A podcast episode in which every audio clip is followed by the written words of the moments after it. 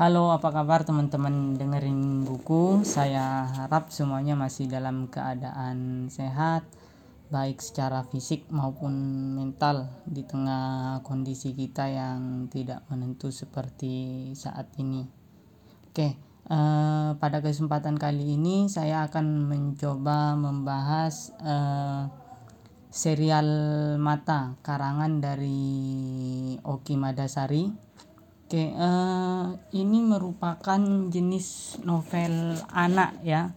Jadi uh, ini lebih disarankan untuk uh, anak, artinya usia ini ya mulai dari SD seperti itu. Uh, tapi bukan berarti tidak layak untuk dibaca orang dewasa karena banyak nilai-nilai sederhana yang mungkin sering kali kita lupakan yang coba disampaikan lagi oleh Oki Madasari.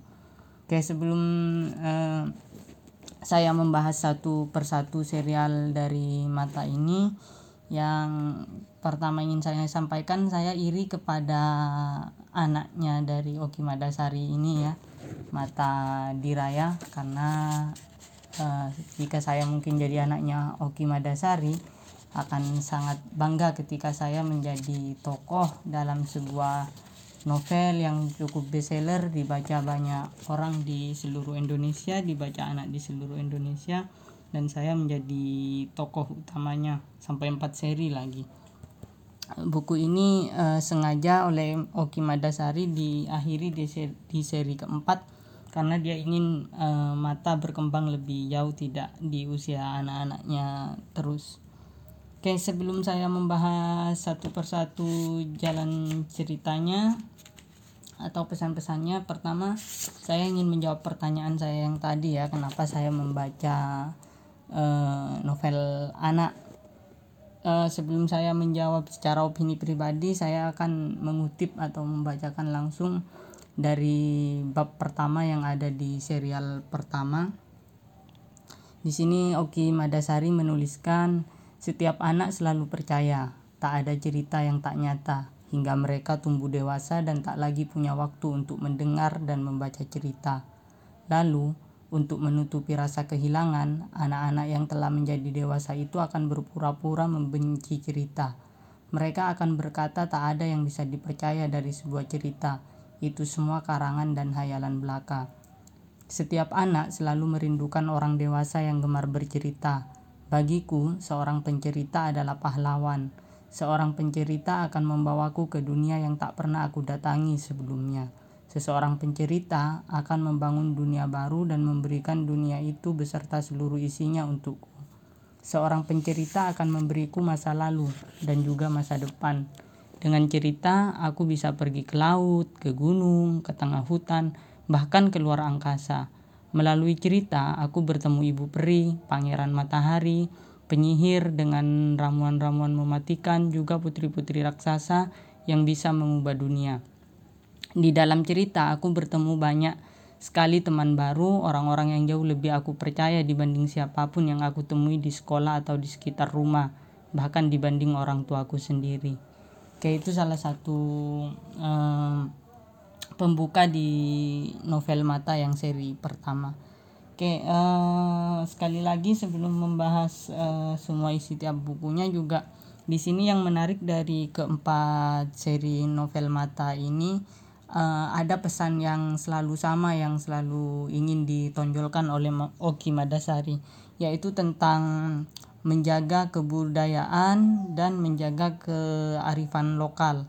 Jadi banyak uh, selalu di situ di uh, apa diangkat uh, kepercayaan atau hukum-hukum tidak tertulis yang berlaku di masyarakat yang sering kali di era modern itu dilupakan atau diabaikan. Hal-hal seperti itu yang selalu diangkat.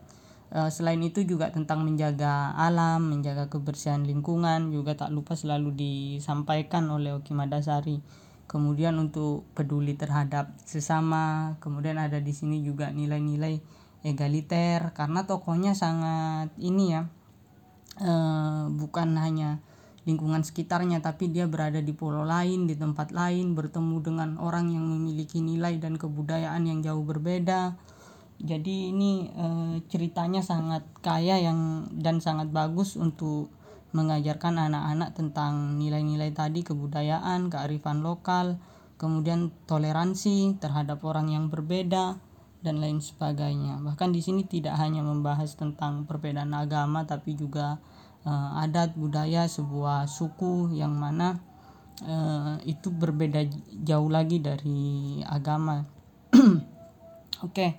uh, yang pertama serial ini judulnya Mata di Tanah Melus. Oke, saya bacakan dulu sinopsis di belakangnya. Pesawat kecil membawa kami mendarat di negeri entah berantah.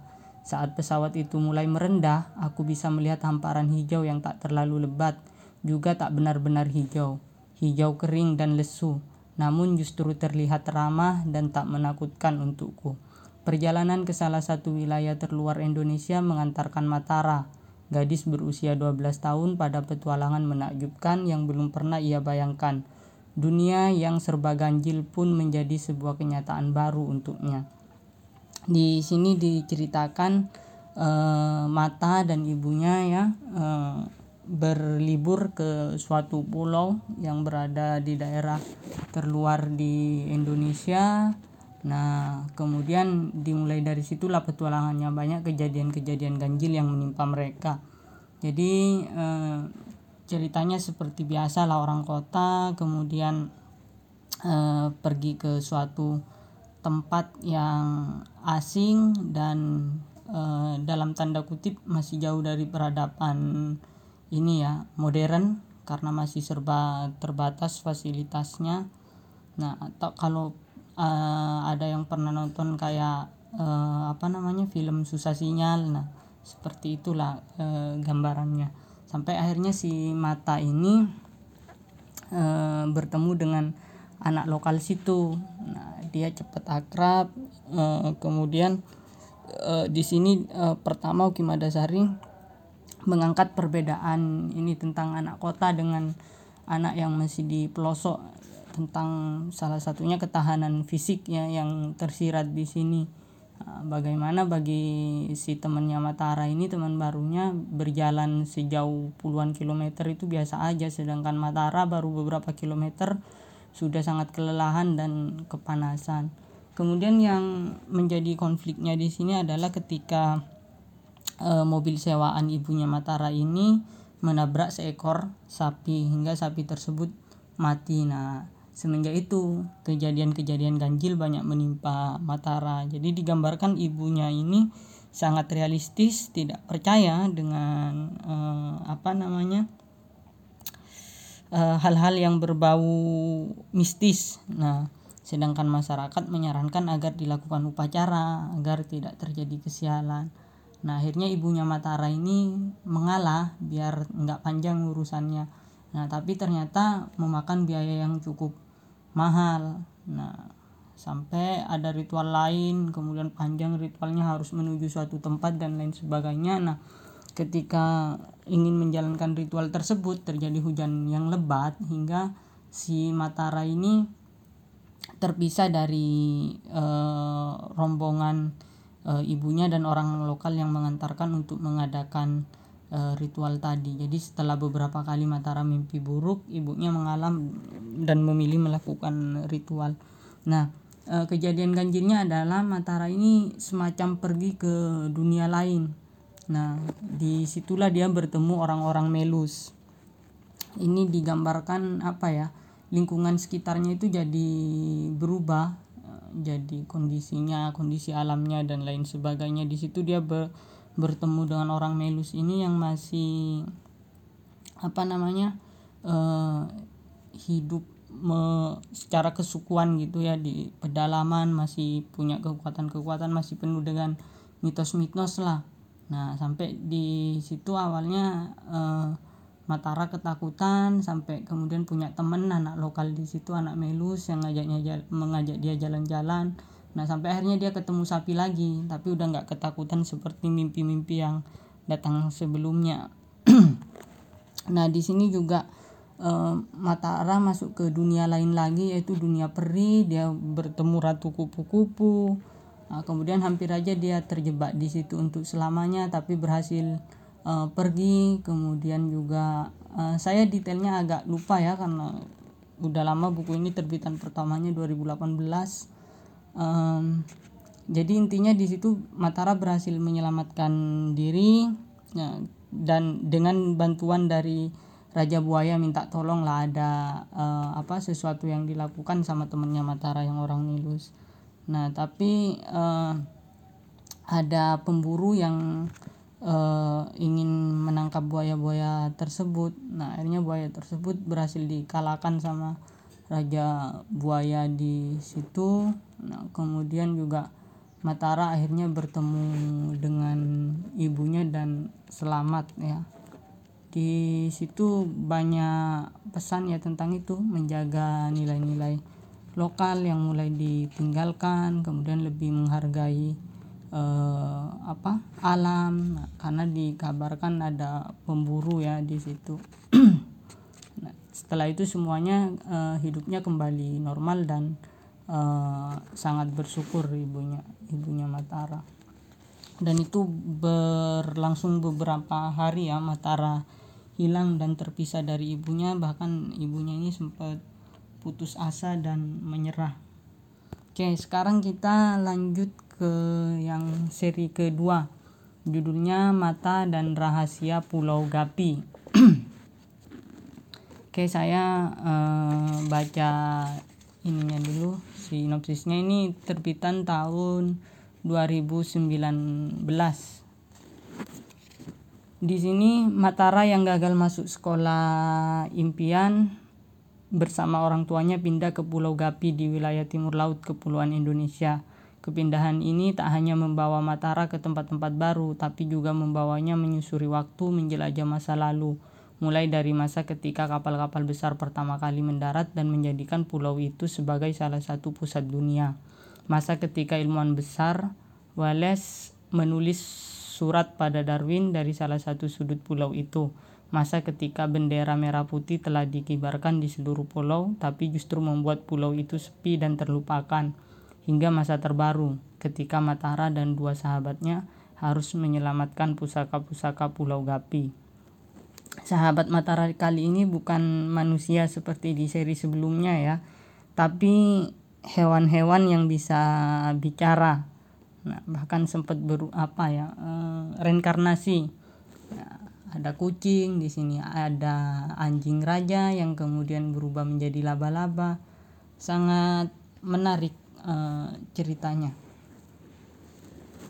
Oke, uh, saya coba baca ininya dulu daftar isi untuk mengingat isinya. Ada cerita-cerita baru di sekolah baru, kemudian seekor kucing dari masa lalu. Nah, gara-gara si kucing hitam ini yang membuat uh, Matara ber mengalami petualangan di Pulau Gapi. Jadi, ketika pindah ke Pulau Gapi ini, Matara menempati satu rumah tua Nah, dan di situ ada kucing. Nah, ternyata kucingnya bisa bicara. Akhirnya eh, diajak main lah sama Matara hingga Matara ini pergi. Nah, pergi dari pagi sebelum subuh sampai sore belum balik sampai orang tuanya bingung. Ketika pulang dimarahin Matara. Nah, dikurung di rumahnya tapi dia nggak cerita apa-apa. Nah, hari berikutnya dia tambah penasaran karena kucingnya bisa bicara dan sebagainya, dia kabur lagi kemudian judul e, berikutnya ada anjing pelihara, peliharaan sultan ada dua ekor buaya yang setia. Nah ini cerita ini ya tentang e, siapa dulunya kucing ini. Ternyata kucing ini sudah hidup ratusan tahun sebelumnya di zaman Portugis.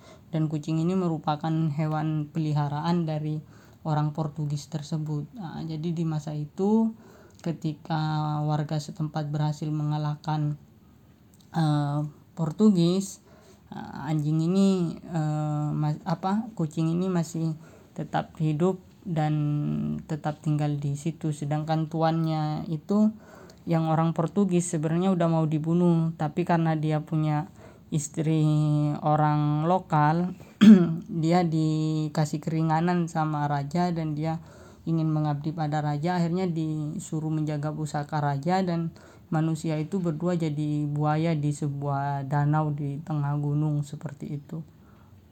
Nah itu yang mengantarkan itu ya si kucing ini yang mengantarkan mata berpetualang seperti itu. Dan dua buaya tadi itu ya aslinya majikannya si kucing. Kemudian sampai laba-laba ya yang itu anjingnya raja yang sangat setia yang akhirnya mati jadi laba-laba. Di sini pesannya jadi ceritanya Matara itu masuk ke dunia lain dan tiba-tiba ah, di sebuah gedung di sebuah menara gitu benteng benteng kerajaan. Dari situ semua dia tahu sejarah-sejarah di masa lalu masuk ke dunia di masa lalu di masa kerajaan-kerajaan. Nah pesannya di sini adalah benteng-benteng tersebut ternyata di tempat tersebut akan dijadikan uh, hotel semacam itu. Jadi ingin sisa peninggalan sejarah ini ingin dibuang dan dibangun uh, tempat fasilitas-fasilitas yang baru.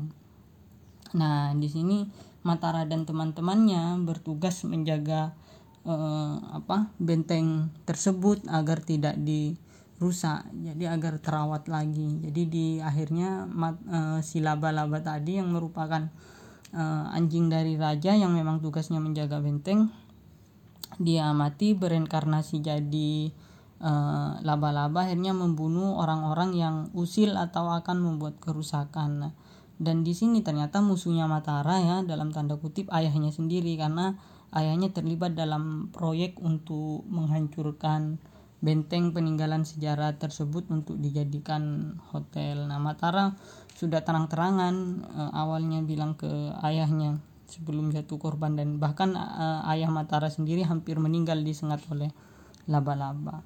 Nah, berkat e, kecerdikan Matara itu bentengnya jadinya terawat dan tetap terselamatkan.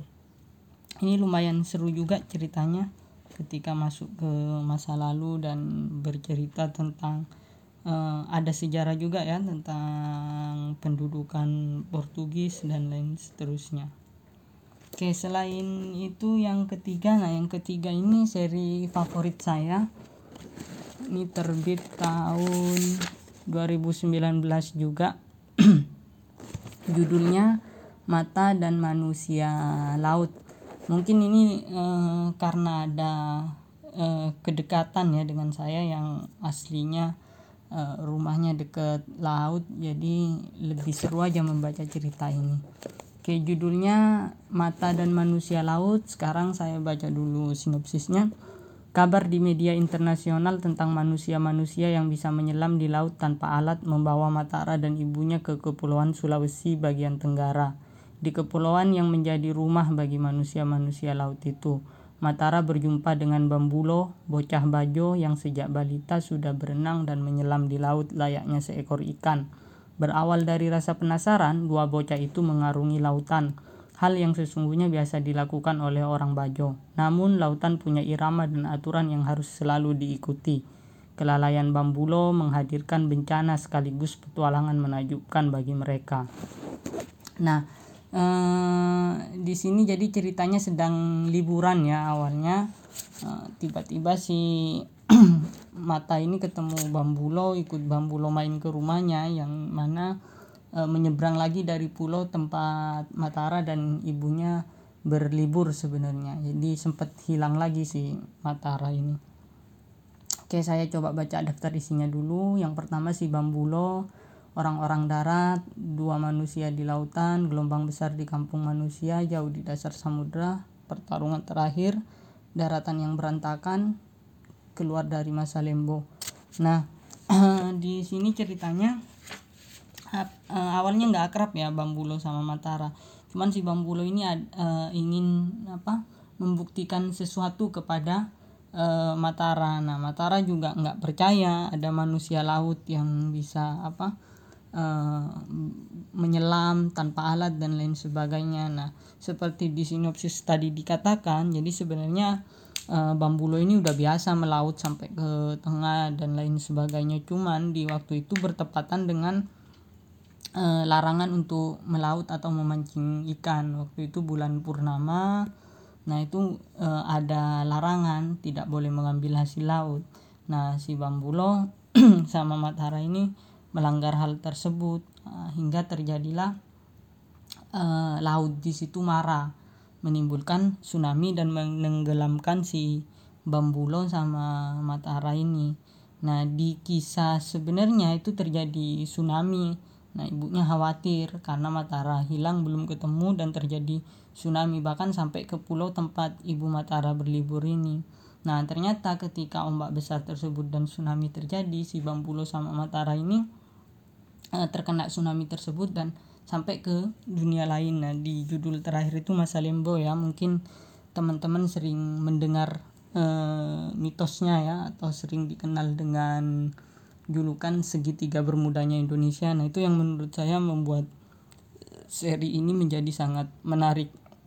Hoki Madasari menceritakan tentang itu ya uh, mitos di masa lembo tersebut tapi uh, menjadi tidak menyeramkan menegangkan tapi tidak menyeramkan.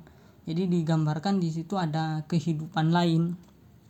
Jadi di situ dia ketemu orang-orang dan kapal-kapal yang pernah tenggelam di situ dan mereka masih hidup tapi dengan wujud dan hukum yang berbeda. Artinya mereka bisa bernafas di dalam air, bisa berbicara, termasuk Bambulo dan Matara akhirnya seperti itu juga. Ini uh, hayalan kita mungkin uh, teringat film ini Pirate of Caribbean nah semacam itu ada monster-monster lautnya dan lain sebagainya nah ya nilai-nilainya tadi sih yang sangat ditekankan kalau di seri ketiga tentang aturan tadi hal itu semua terjadi karena si Matahara dan Bambulo ini melanggar aturan yang ada di hukumnya di laut situ.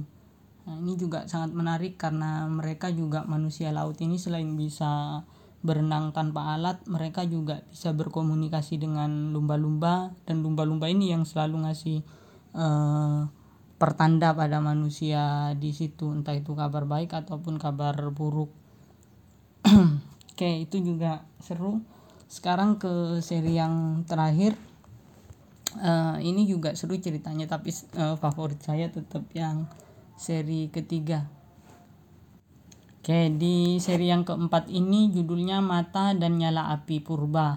Uh, ini menarik ya walau uh, ceritanya. Di sini saya baca dulu sinopsisnya. Ini adalah kisah dari masa depan, sekaligus kisah masa uh, kisah dari masa jutaan tahun yang lalu. Kali ini Mataram mengajakmu menjelajahi kemungkinan-kemungkinan tanpa batas. Sebuah dunia dibangun oleh teknologi dan imajinasi Mata dan nyala api purba merupakan kisah penutup dari petualangan mata setelah mata membawamu ke dunia para melus, mengajakmu mengurai rahasia Pulau Gapi, dan mengarungi lautan luas bersama Bambulo, si manusia laut. Petualangan mata berakhir, sudah waktunya ia tumbuh dan memulai kisah baru. Terima kasih telah tumbuh bersama mata. Oh ya, jadi di yang rahasia Pulau Gapi itu juga mengungkap ini ya, legenda dari Pulau Gapi tersebut di seri yang kedua yang Melus juga mengangkat apa eh, cerita-cerita yang sudah mulai uh, banyak dilupakan yaitu tentang orang-orang Melus yang mungkin uh, hanya diketahui orang lokal sedangkan orang di luar pulau tersebut uh, ya termasuk saya baru tahu ketika membaca dari serial mata ini. Nah, di sini seperti sinopsisnya ya, ini adalah kisah dari masa depan. Di sini sedikit berbeda kalau uh, di serial serial sebelumnya tiga seri sebelumnya mata ini digambarkan masih anak kecil masih SD nah terakhir dia juga uh, baru lulus SD di seri yang ke dua apa ketiga itu ya. Nah sedangkan di sini ceritanya justru mata sudah dewasa. Dia sudah selesai kuliah. Nah, tapi kehidupan di sini ini udah sangat jauh berbeda dengan kehidupan kita sekarang karena udah berada di masa depan.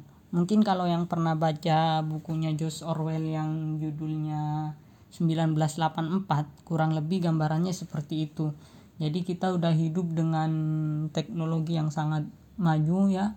Uh, tapi ada apa? Ada plus minusnya. Jadi informasi sudah sangat mudah kita uh, akses dengan internet yang semakin cepat selain itu juga uh, semua dunia benar-benar ada di genggaman. Jadi model sekolahnya sudah nggak seperti sekarang di mana guru masih apa berceramah seperti itu enggak jadi di mereka udah punya gadget yang di mana e, semua pelajaran sudah ada di situ. Nah, jadi lebih banyak apalagi di sekolahnya tempat Matara mengajar ini dia jadi guru biologi namanya sekolah semesta. Itu bahkan nggak e, ada materi sama sekali. Mereka langsung praktek. E, mereka tugasnya itu membuat makhluk baru baik itu hewan maupun tumbuhan kemudian juga membuat robot. Nah cuman di sini kelemahannya ya tadi apa banyak kamera di mana-mana. Di satu sisi e, sangat menguntungkan kejahatan berkurang karena orang tidak bisa lagi bersembunyi. Tapi ya e, sedikit otoriter termasuk di sekolah ini di mana makanan semuanya sudah diatur sedemikian rupa ya oleh ahli-ahli gizi dan e, seterusnya. Kemudian juga ya miriplah dengan gambaran di George Orwell seperti itu kurang lebih. Kemudian yang menarik di sini juga ada kritik dari Okimada Sari ya menurut yang saya tangkap terhadap orang tua yang menyerahkan anaknya pada gadget. Di sini disampaikan efek e, dari anak-anak yang diasuh oleh gadget, gimana mereka e, kemampuan bersosialnya jadi berkurang karena tadi mereka sudah sibuk dengan gadgetnya masing-masing. Nah, di sini konfliknya dibuka ketika eh, Matara ini punya murid yang cerdas namanya Binar. Nah, si Binar ini lagi dapat tugas eh, untuk membuat hewan baru. Nah tiba-tiba hewan baru yang dia buat secara sembunyi-sembunyi tanpa sepengetahuan kepala sekolah jadi besar dan eh, menghebohkan di asramanya. Nah, karena tiba-tiba jadi banyak jadi besar di tiba-tiba muncul dari kamarnya Binar. Si Matara yang mencoba menyelamatkan digigit dan sampai jatuh pingsan. Ternyata beracun hewan yang diciptakan oleh binar ini. Nah singkat cerita si apa setelah mata sembuh hewannya masih nggak dibunuh ya. Nah, karena udah memang udah biasa di sekolah ini. Cuman baru kali ini yang tidak diketahui oleh kepala sekolah dan akhirnya hewannya di bawah kontrol belum diketahui. Tapi hewan ini eh, baik ya dalam artian dia hanya menyerang ketika dia diganggu.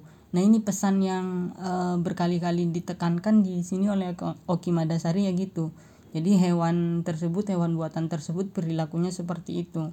Dia tidak e, sama sekali tidak e, apa punya niat atau punya fungsi untuk mengganggu atau merusak sekitarnya atau menakut-nakuti. Jadi dia uh, tidak menyakiti manusia sama sekali. Nah, kejadian pada Matara ya karena waktu itu Matara mencoba menyakiti hewan tersebut. Nah, hewan tersebut juga uniknya sangat nurut dan mendengarkan, mengerti eh, apa-apa uh, yang diperintahkan oleh Binar. Nah, hewan ini besar dengan sangat cepat, akhirnya sekolah kewalahan, bahkan hewan ini Bibikus namanya sempat merusak sekolah ya menghancurkan sekolah uh, tapi diusahakan tetap tidak dibunuh oleh kepala sekolah karena ini merupakan penemuan yang sangat hebat dikatakan seperti itu. Bahkan presiden uh, mendukung penemuan tersebut. Uh, singkat ceritanya dibawalah ke hewan-hewan ini karena sekolahnya udah nggak bisa menampung suatu hutan gitu ya. Nah hutan punyanya negara di situ uh, si kepala sekolah satu kali pengen nyakiti hewan tersebut marahlah binar. Akhirnya binar sama Matara membawa hewan tersebut ke area hutan yang lebih dalam. Nah setelah beberapa hari di situ ternyata eh, bibikusnya ini terjebak ke dalam satu lubang yang sangat dalam. Nah binar sama Matara mencoba menyelamatkannya. Nah ternyata ketika masuk ke dalam lubang tersebut uh, mereka bertemu manusia purba. nah, mereka bertemu dengan uh, mereka bertemu dengan Homo erectus waktu itu.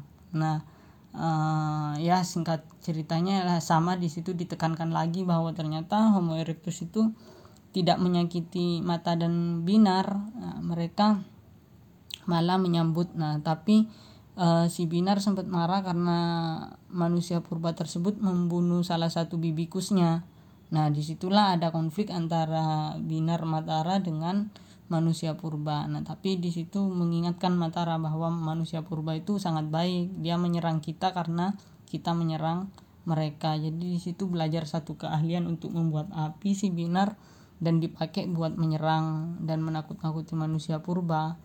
Nah, eh, singkat ceritanya lagi Dewa berhasil menyusul ke situ ya. Dewa ini kepala sekolahnya. Setelah apa keanehan yang belum bisa dijelaskan di situ, Nah, eh, ketika akan pulang ke masa depan lagi si Binar dan Matara serta rombongannya dewa ini eh, tiba-tiba diserang oleh makhluk semacam apa kadal gitu ya tapi berjalan tegak. Kalau di sini bentuknya di bukunya seperti komodo tapi jalannya berjalan dengan dua kaki. Nah eh, di situ juga diungkapkan bahwa baru kali ini nyerang lagi eh, si hewan tersebut disebut owa di buku ini.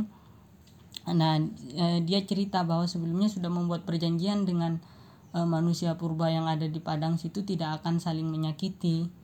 Nah, tapi mereka jadi marah gara-gara Binar menyakiti salah satu owa tersebut. Nah, Binar juga nggak berniat uh, jahat sebenarnya dia hanya melindungi bibikusnya karena bibikusnya diserang oleh hewan tersebut sedangkan dia belum paham waktu itu. Nah, ternyata selain bertemu Homo erectus di sini juga bertemu dengan Meganthropus ya. Nah, itu juga yang menyelam uh, Meganthropusnya di uh, gambarkan di sini memakan owa tadi dan owa tadi meminta tolong pada Binar dan Matara agar apa bisa mengalahkan Meganthropus tadi. Akhirnya ditolonglah sama uh, Binar dan Matara tapi dalam bentuk sama ya perjanjian. Jadi bikin perjanjian tidak akan saling menyakiti lagi. Di sini sangat unik ceritanya ketika apa ya, semacam pelajaran IPA tapi disampaikan uh, pelajarannya ya bukan IPA sorry pelajaran tentang manusia purba tapi disampaikan dengan cerita yang menarik oleh Oki Madasari berikut dengan pesan sosialnya tadi bahwa kita tidak boleh menyakiti dan dibilang bahwa manusia purba itu e, sifat alaminya tadi dia tidak akan mengganggu kalau tidak diganggu. nah, singkat cerita dari situ ya apa mereka berhasil keluar dari e, apa sempat keluar dari berhasil dari masa lalu tersebut ya dari perut bumi dan kembali ke masa di mana seharusnya tapi mereka tidak bisa membawa balik. Di situ ada penjelasan e, dalam tanda kutip ya penjelasan fisikanya secara sederhana walaupun ini fiksi. Ada teori-teori fisikanya sedikit yang memungkinkan kenapa mereka bisa masuk ke dunia masa lalu dan lain sebagainya. Ya uh, namanya novel fiksi dan ini novel untuk anak-anak ya mungkin memang kita harus apa memiliki uh, imajinasi yang cukup tinggi untuk menikmati buku ini. Sama ketika kalau mungkin yang sudah pernah baca uh, Pangeran Kecil nah itu juga kan sangat imajinatif. Tapi bagi ya kalau bagi orang dewasa ini tadi bisa sebagai hiburan dan bisa mengetahui sejarah dan legenda di suatu tempat yang jarang diangkat di buku-buku pelajaran. Selain itu bagi yang sudah punya anak ini bisa jadi apa ya eh, bahan bercerita mendongeng untuk mengantarkan anak-anak kalian sebelum tidur biar ceritanya nggak itu itu aja. Ya masa si kancil terus ceritanya. Oke eh, terima kasih bagi yang sudah mendengarkan yang tertarik atau mungkin buat persiapan tadi ya bercerita mendongeng ini referensi yang sangat bagus dan menarik ceritanya. Terima kasih, sampai berjumpa di episode selanjutnya.